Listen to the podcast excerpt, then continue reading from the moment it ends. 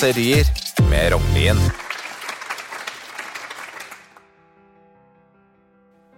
Så har også enda en av mine bekjente kommet ut av skapet.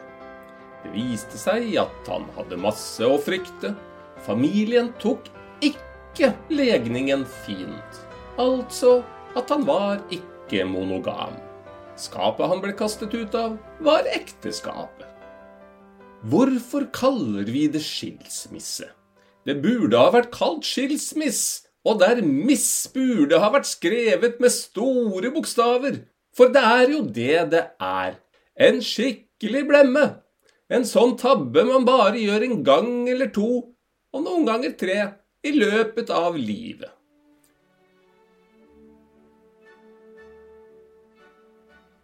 Ordet skilsmisse stammer visstnok fra det å være adskilt, og innebærer derfor et savn. Jeg kjenner mange kvinner som er skilte, og de har ett fellestrekk. De savner han ikke! De savner heller ikke en som av egen fri vilje rydder, stryker eller som lager middag, for det har de aldri opplevd.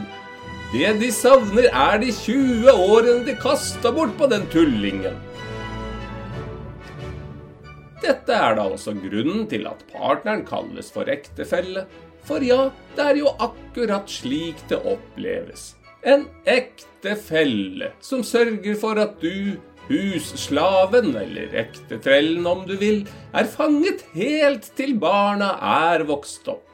Først i en alder av 50 kan du stifte eget bo, blakk som en kirkerotte etter at boet er delt og dine få sparepenger er havna i lomma på en grisk skilsmisseadvokat. Nå som hvert tredje ekteskap ikke varer, bør vi kanskje gjøre noe med institusjonen. Det var litt lettere å love hverandre troskap livet ut i middelalderen, den gang gjennomsnittlig levealder var 30 år. Men nå skal vi jo snart leve til vi er 150 alle sammen. Det kan jo tenkes at den mannen du gifter deg med i 2025, ikke nødvendigvis er helt den samme i år 2125. Hadde du vært villig til å gifte deg hvis du visste at du skulle være sammen med mannen foran deg i 120 år til? Jeg kan levende forestille meg hvordan en kar på 140 ser ut. Nå tenker du sikkert at plastisk kirurgi kan lappe litt på skavankene, men tenk om han er en av de der verdibaserte idealistene som nekter så mye som å bleke tenna. Da står du der selv, da. 130 år gammel og helt fantastisk plastastisk.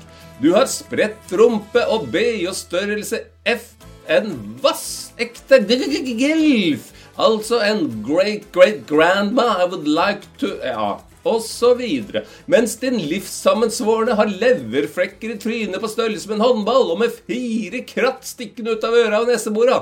Ikke bare er han 132, han er attpåtil en av dem som holder seg dårlig for alderen. Har du et veldig stort hjerte, kan det hende du tenker at du får holde ut bare noen få år til. Men hva om dere kommer til himmelen og får evig liv? Gjelder ekteskapsløftet fortsatt? Og tenk om han har beholdt utseendet fra den dagen han trakk sitt siste sukk. Jeg tviler på at Sankt Peter imøtekommer skilsmissesøknader, i og med at Herren har laget et helt bud som nekter oss å bryte ekteskapet. Nei, her gjelder det å rydde opp mens man fortsatt kan, og statsforvalteren har myndighet til å annullere misæren. Man vet jo aldri. Det kan hende at det første som møter deg i himmelen, er Tom Cruise som svever flørtende rundt på naboskyen, eller kanskje Chris Evans, verdens vakreste mann i 2022. Da er det kanskje ikke så dumt å ha dødd singel. Jeg synes kirken bør innføre tidsbegrensa ekteskap, f.eks. i en femårsperiode. Det holder de fleste ut. Når årene er omme, kan de eventuelt forlenge avtaleperioden hvis kjærligheten er bevart.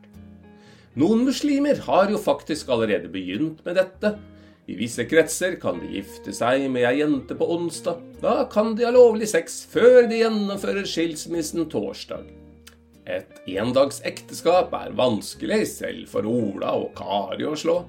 Når sant skal sies, er det ikke så mange muslimer som har imponert meg på langrenn. Men kan de hevde seg i den andre folkesporten vår? Skilsmisser skal du se det er håp for en vellykket integrering allikevel. Kanskje slik oppførsel er grunnen til at de som er hakket mer seriøse, kaller seg for praktiserende muslimer.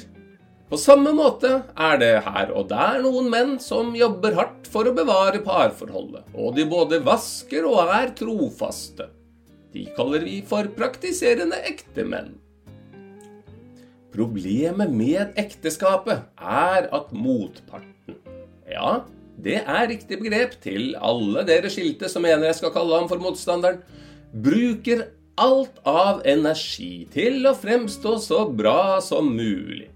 Når tiurdansen er over og røya har kapitulert, altså at kjæreste har blitt til kone, er det tid for feiring. Den varer i 20 år og finner sted i sofaen med handa dypt begravet i en godteskål og med fotball på TV syv dager i uka.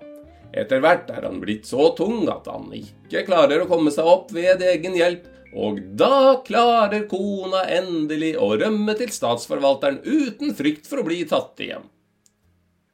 Når ryktet om separasjon først har spredt seg, tar det som regel ikke mange dagene før det banker på døra.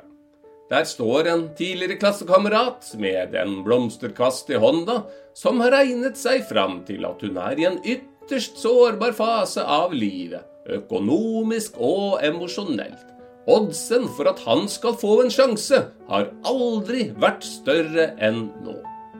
Det er som regel en klok beregning. Hun har ikke sett blomster på 20 år, og så er det på'n igjen.